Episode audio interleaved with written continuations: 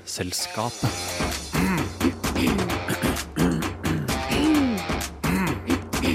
Vitenselskapet. Noe vi liker, noe vi sliter med, noe vi vil gjøre minst av når vi er små, men mest av når vi er eldre. Vi starta med å trenge rundt 16 timer av det, men eh, etter pensjonsalder kan vi trenge bortimot bare 6 timer.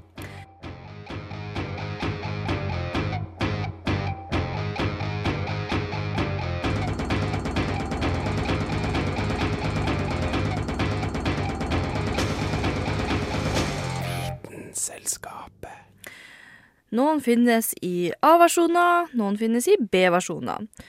Og noen i kanskje mer ekstreme tilfeller av versjoner. Skjønner du hva jeg snakker om? Det er én ting som avgjør veldig mye i livet. Om hodet er på plass, prestasjoner, humøret og mye mer. Og det er søvn. Det påvirker så mye, og det er kanskje en grunn til at vi kaller det å stå opp på feil side av senga, når noen har våkna etter ei dårlig natt og får kanskje litt dårlig humør. I dag skal du få svar på alt du lurer på om søvn. Kanskje noe du allerede har tenkt på når du skulle sove, som gjorde der igjen at du ikke fikk til å sove. Der har du livets sirkel. Du hører på Vitenselskapet, og jeg heter Ida Katrine Vassbotn. Å vite vet Vitenselskapet. Hvert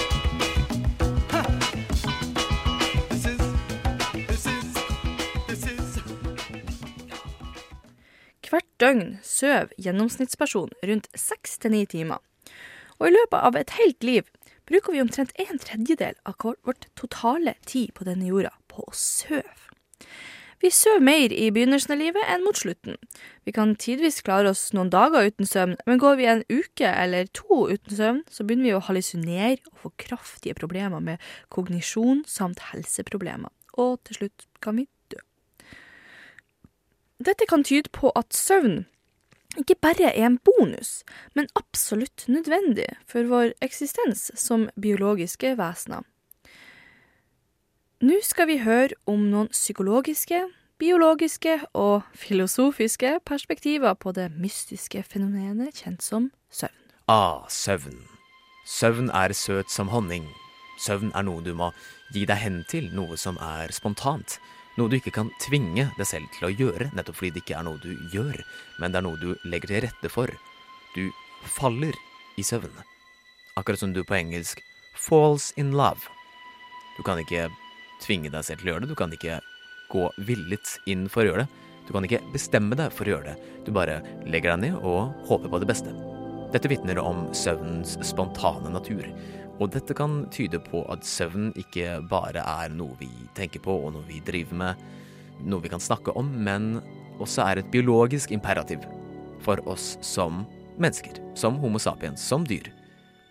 Og spørsmålet er da hvorfor sover vi? Det som skjer i det spesielt vestlige samfunnet, er at vi er mer opptatt av det som skjer når vi er våkne. Det er jo da vi lever ut våre liv som bevisste vesener. Vi går rundt i samfunnet, vi planlegger, vi er våkne, vi arbeider. Når vi sover, så sover vi. Vi føler en trang til å sove, og så sover vi. Det ser ut til at det er det som er greia med søvn. Vi bare må sove, vet ikke hvorfor vi gjør det, men vi gjør det. Og det interessante er at det i psykologien og biologien ikke er noen reell konsensus på hvorfor vi sover. Hvorfor må vi sove? Det vi vet, er at eh, dyr sover. Planteetere sover mindre enn kjøttetere. Kanskje av den åpenbare grunnen at de må få i seg mer mat, og de må bruke mer tid på å spise, men de må også passe seg for rovdyr. Og rovdyr bruker mye energi på å jakte, og trenger da å spare på kreftene hvis de ikke får, får i seg mat. Så elefanter sover f.eks. i rundt fire timer, mens løver sover i rundt 20 timer. Og mennesker som er plante- og kjøttetere, vi er omnivore altetere, så vi sover da i omtrent en slags blanding. Syv til åtte til ni timer. Og det er altså store individuelle forskjeller mennesker imellom. Men individuelle forskjeller imellom så er det klart at de, for de fleste så er rundt syv til ni timer det som skal til for å reinstituere energi og oppmerksomhet. Så vi har en hel haug med korrelasjoner i biologien og psykologien. Men det er egentlig det vi først og fremst har. Hvis man går lenge uten søvn, så går kognitive funksjoner ned, og også slitasjen på kroppen går opp. Altså inflammasjon og stressorer går opp. Så det kan tyde på at søvn da nettopp er noe vi trenger for at kroppen skal kunne kvitte seg med avfallsstoffer og bygge opp muskler, vev, hjernemasse og lignende. Og det med å kvitte seg med avfallsstoffer har fått mer oppmerksomhet i det siste, da det ser ut til at noen kanaler i hjernen blir tømt for visse typer toksiner og avfallsstoffer når vi sover. Men hvorfor har vi et så stresset forhold til søvn i dag? Et filosofisk perspektiv på dette er nettopp noe som har å gjøre med modernismen. I dag skal vi hele tiden være på'n, vi skal være bevisste hele tiden, og det er bevisstheten som styrer, ikke underbevisstheten. Og dette er modernistisk fordi vi ikke klarer å sette pris på det sublime, altså skjønnheten som hører den andre siden til. Den storslagne og skumle, men nødvendige naturen, som vi også er en del av. For eksempel eh, så er det slik at det underbevisste styrer mye av våre liv, uten at vi tenker på det. Og faren ligger i nettopp det at hvis vi slutter å tenke på hvor mye underbevisstheten styrer, så vil underbevissthetens hegemoni ta helt over. Dette viser seg i drømmer. Sigmund Freud hadde en teori om at det underbevisste var en konstituerende del av vår personlighet og vår overbevissthet, og ikke bare noe ekstra. Så gjennom drømmetydning, som jo nettopp foregår Drømmene foregår når vi sover, og vi går ikke inn for å drømme, vi bare drømmer. Akkurat som søvnen selv. Så er det slik at det underbevisste kan tydes, fordi vi drømmer symbolsk.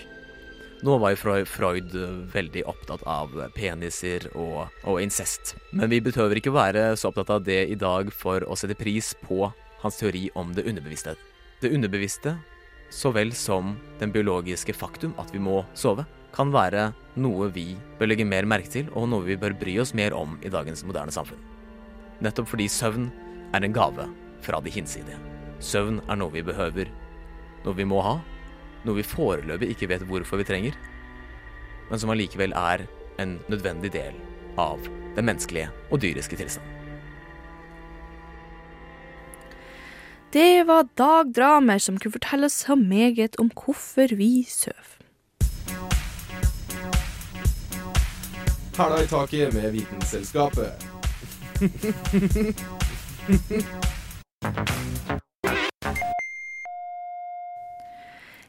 Gjesping er kanskje det fremste tegnet på at vi er trøtt eller kjeder oss.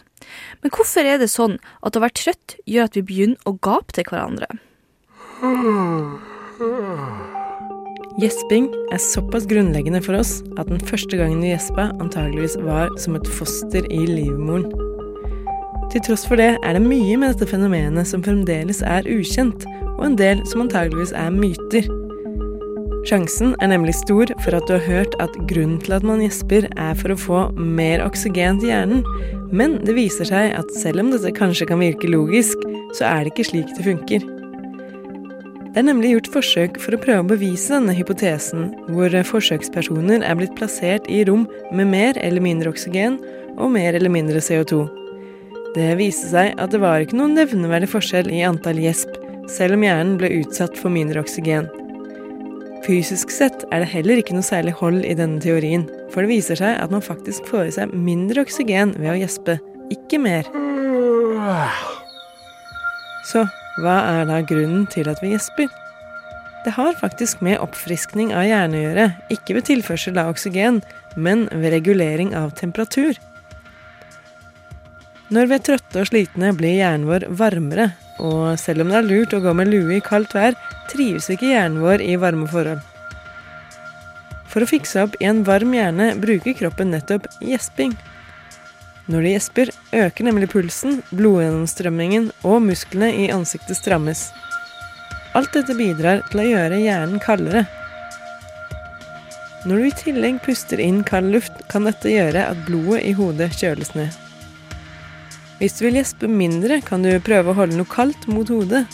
Forsøk har nemlig vist at testpersoner som kjøler ned hodet, gjesper veldig mye mindre enn de som varmer opp hodet.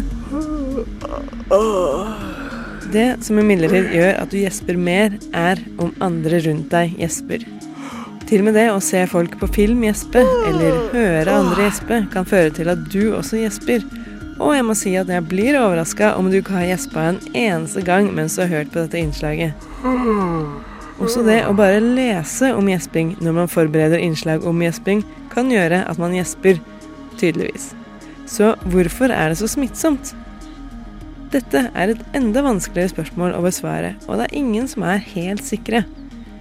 Det eneste forskerne er nokså enige om, er at det har noe å gjøre med at vi er flokkdyr. En teori er at gjesping er smittsomt, fordi hvis hele flokken gjesper, vil det si at alle blir klarere i hodet og mer forberedt i tilfelle det oppstår farer, og døgnrytmen til flokken synkroniseres. Ting tyder også på at den smittsomme funksjonen har noe med empati å gjøre. Det viser seg at det er større sjanse for å bli smitta av en gjesp hvis den som gjesper er noe som står deg nær. Det vil si at det er mer sannsynlig at du gjesper om du ser et familiemedlem gjespe, en venn, en bekjent, og til slutt en fremmed. Autister gjesper også mindre enn andre når de blir utsatt for gjespende personer, som kan bygge opp under teorien om at det kan ha noe med empati å gjøre. Den fysiske årsaken til at vi også gjesper, er sannsynligvis pga. noe som kalles speilnevroner.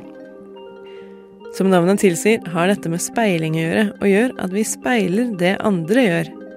Dette er særlig nyttig når vi må imitere andre, som f.eks. når vi lærer oss et språk. Og da tydeligvis også når vi skal starte en felles gjesp.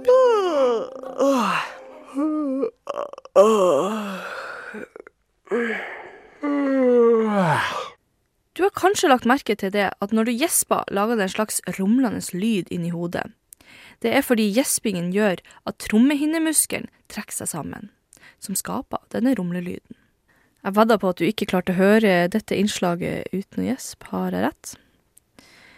Hun som laga dette innslaget, heter Kristin Grydeland. There's hydrogen and helium, then lithium, beryllium, boron, carbon everywhere, nitrogen all through the air with oxygen so you can breathe. Du hører på Vitenselskapet på Radio Nova. Magnesium, Aluminium, silicon, phosphorus, then sulfur, chlorine, then argon, potassium, and calcium so you'll grow strong. scandium, Titanium, vanadium, and chromium, and manganese. På videregående var jeg sjøl mester i å søvne i timen. Det hadde ingenting å si om jeg hadde sovet nok om natta, eller om at jeg satt fremst i klasserommet. Hodet datt ned uansett. Men hvorfor er det sånn? Og hvorfor trenger vi søvn? Hvis det er en ting som er sikkert, som at vi trenger mat, så er det at vi trenger søvn. Vitenselskapet. Vi mennesker er noe jævla på å sove.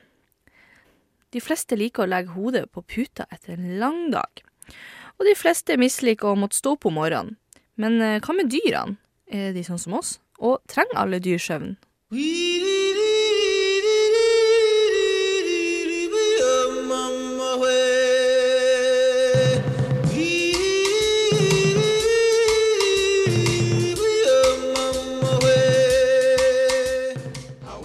Sjiraffer er merkelige skapninger.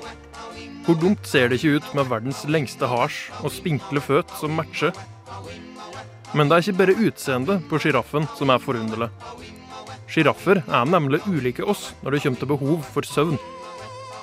Mens oss trenger sju-åtte timer i strekk hver natt, tar sjiraffene bare noen høneblunder utover dagen. Til sammen blir det ca. fire timer søvn i løpet av dagen, men det er ikke alltid like lett å oppdage. Sjiraffen har nemlig en tendens til å sove stående. Faktisk var det ikke før utpå 50-tallet at forskere oppdaga at sjiraffen var litt slaraffen. Før det trodde de ikke at de sov i det hele tatt. Men det gjør de altså. Går du noen gang rundt i halvsøvne? Delfiner er bokstavelig talt i halvsøvne hver natt.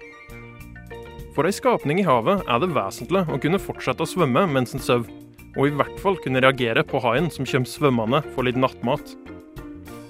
Å kunne komme opp til overflata for å puste er heller ikke så dumt. Delfinen løser dette ved å la halve hjerna sove om gangen. Først venstre, så høyre, eller motsatt. Hjerna er kobla sånn at det er motsatt øye og hjernehalvdel som henger i hop. Så er venstre øye oppe, er høyre hjernehalvdel våken. Delfiner sover heller ikke så mye. ca. fire timer i løpet av en 24 timers syklus.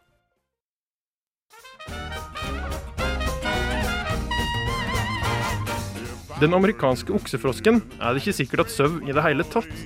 Tru det eller ei, så kan det virke som om denne karen aldri forlater den våkne verden. Dette betyr ikke at den hopper og spretter rundt omkring hele tida. Tvert imot, mye av tida til frosken blir tilbrakt i ro i solsteiken med øynene atte. Men frosken kan fortsatt reagere brennkvikt på trusler fra omverdenen. Og et av kriteriene for det oss kaller søvn, er at den blir mindre responsiv mot ytre stimuli. Så når frosken sier 'just resting my eyes', snakker han faktisk sant. Og han er en snakkende frosk som fortjener sitt helt eget innslag.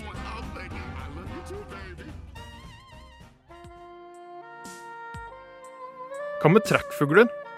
Stopper dem opp for å ta seg en lur på tur synover for vinteren? Alpeseileren ain't got time for that. På turen fra Sveits til Vest-Afrika, som tar drøyt 200 dager, kan fuglen ture på uten å lande en eneste gang. Det er perioder der vingeslagene blir færre og lenger imellom, men det ser ut til at de holder seg vake. Eventuelt har de en måte å sove på mens de flyr. Det er tross alt ganske behagelig å sove på flyet.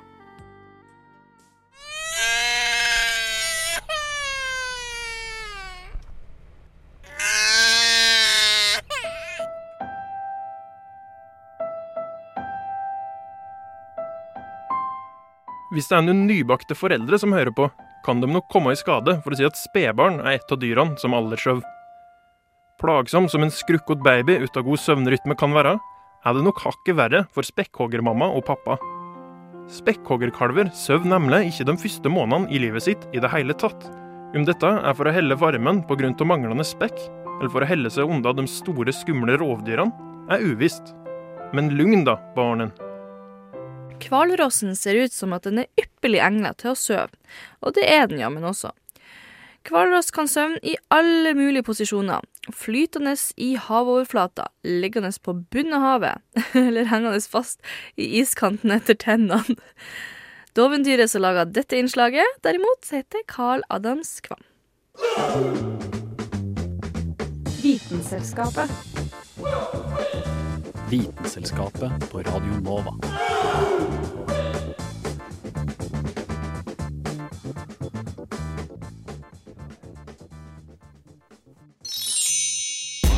Visst, visst, visst, visst, visste du at?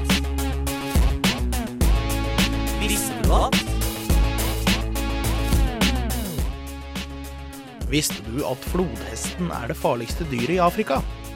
Flodhester tar i gjennomsnitt 2900 menneskeliv hvert år, som i grunn er ganske imponerende, ettersom de sover rundt 20 timer i døgnet.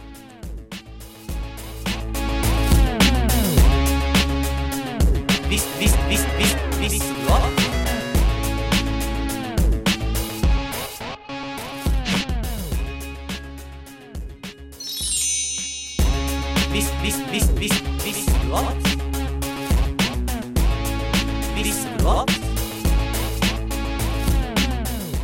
Du at kokepunktet for vann blir lavere høyere over havoverflaten du kommer?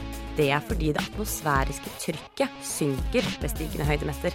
På toppen av Galdhøpiggen er kokepunktet 91 grader celsius, og på toppen av Mount Everest er de nede i ca. 69 grader celsius.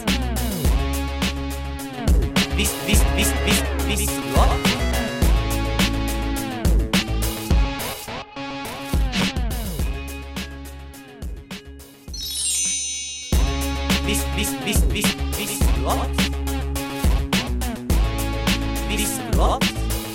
Visste du at mimeblekkspruten er naturens beste skuespiller? Befinner den seg i en situasjon hvor fare truer i form av en naturlig fiende, har denne blekkspruten nok kunnskap til å vite hva dens eventuelle banemann frykter. Det bruker den til å transformere seg til en form som er lik akkurat dette. Til i dag hevdes det at mimeblekkspruten har minst 15 andre arter på repertoaret. Visst, visst, visst, visst, visst, du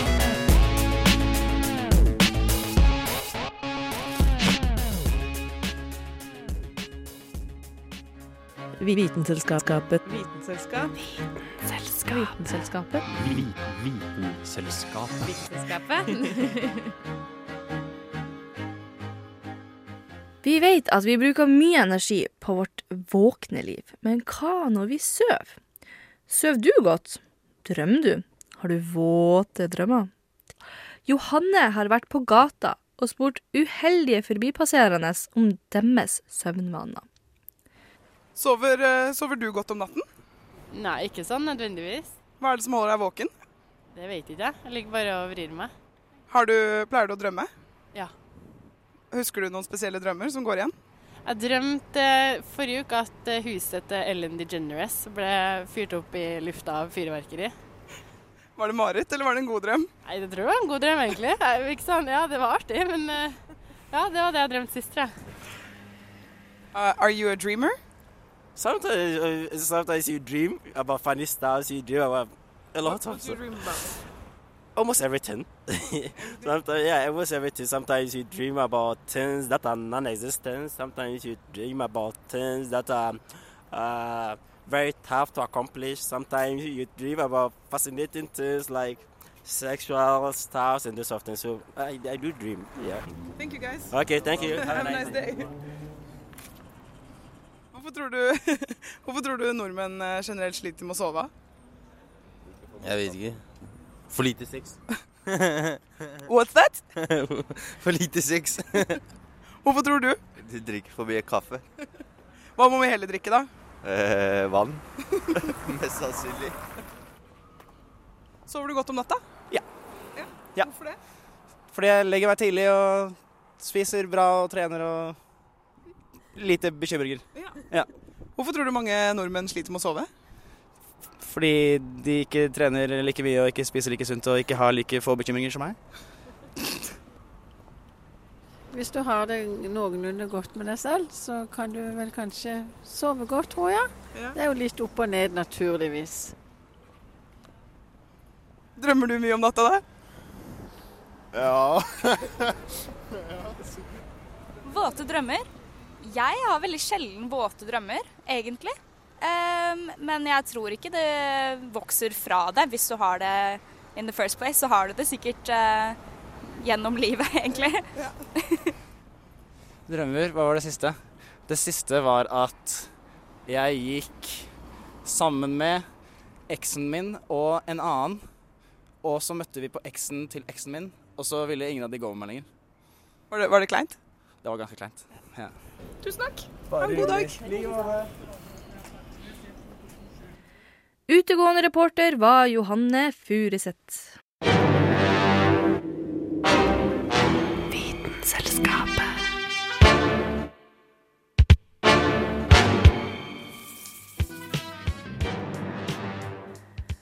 Vinter i Norge. Lange, mørke netter og dager. Minusgrader og sliter seg til matbutikken på isete underlag. Hadde det ikke vært deilig om vi bare kunne hoppe over vinteren, det vil si lagt oss i oktober og stått opp i april?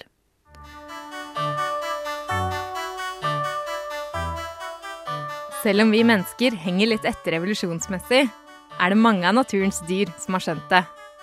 Vinteren skal ikke tilbringes slitne rundt i snø og is mens man leter etter mat som ikke er der. Vinteren skal tilbringes i en tørr og isløs hule i dyp dvale. I Norge så har vi flere dvaledyr. Blant annet bjørn, pinnsvin, flaggermus og grevling, pluss mange små insekter. Og mens pinnsvinet og flaggermusa går i vinterdvale, så går bjørnen og grevlingen i vintersøvn. Som et menneske som ikke er spesielt glad i vinteren, så fascineres jeg av dyr som går i dvale under denne årstida. For hvordan greier de det egentlig? De må jo møte på en masse praktiske problemer. For det første så er jo mat et åpenbart problem. Hvordan klarer dyr som går i dvale seg uten næringsinntak i opptil syv måneder? Én ting er at dyrene spiser seg på høsten, sånn at de har store fettreserver de kan tære på i løpet av en lang vinter i dvale. En annen fellesnevner er at hjerterytmen bremses kraftig opp når dyrene går i dvale, sånn at energiforbruket holdes på et minimum. Dyr som går i vinterdvale, altså mindre dyr som bl.a. mus og flaggermus, senker også kroppstemperaturen sin kraftig, helt ned til bare to grader celsius. Ekstremt lav hjerterytme, innånding og temperatur fører til at dyret ikke trenger å spise i løpet av dvalen, men kan leve på fettreservene sine.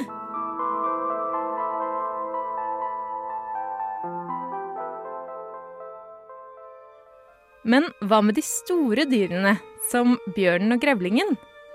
Disse går som nevnt ikke i vinterdvale, men i vintersøvn. Og det betyr at de i mye mindre grad enn andre dvaledyr senker kroppstemperaturen under dvalen. De minimerer heller forbrenningen gjennom lavere puls.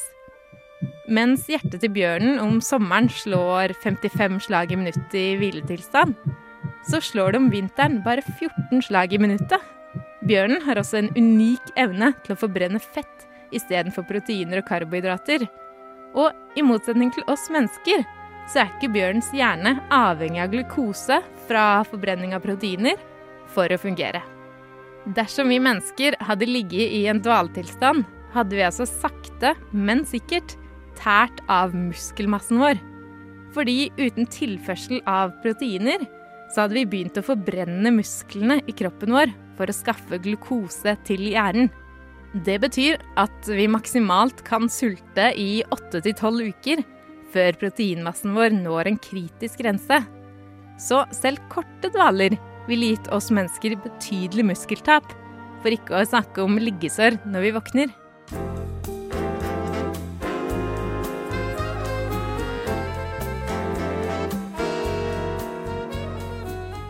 Bjørnen derimot trenger ikke proteiner underveis i dvalen, og kan våkne opp etter syv måneder like fin i kroppen.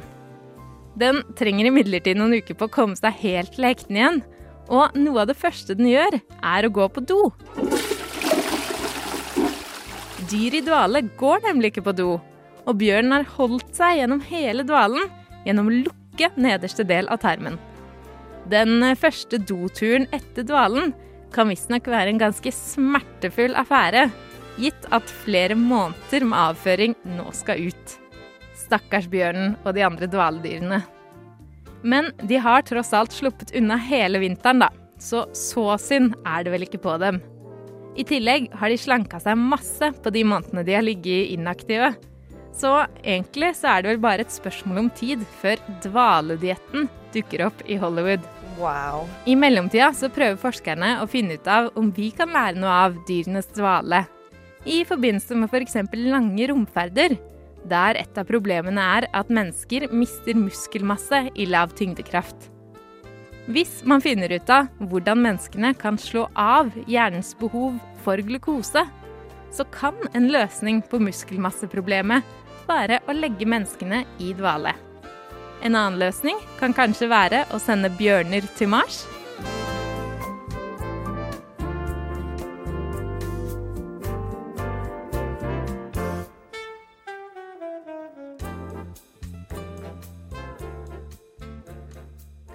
Ikke bare i kalde strøk at dyr går i dvale.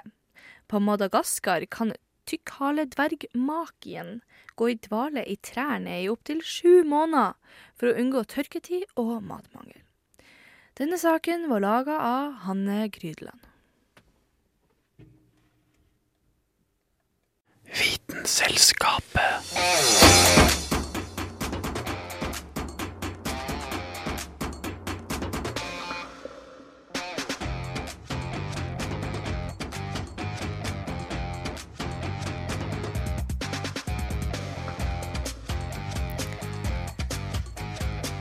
Nå har du lært eh, nok om søvn til at du ikke trenger å gruble over søvn når du skal sove.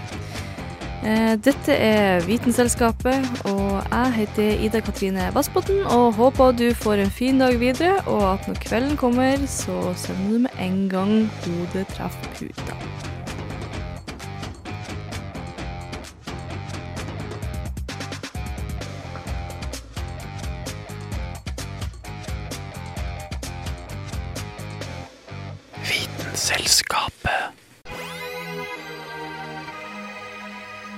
Radio Nova, FM 99,3.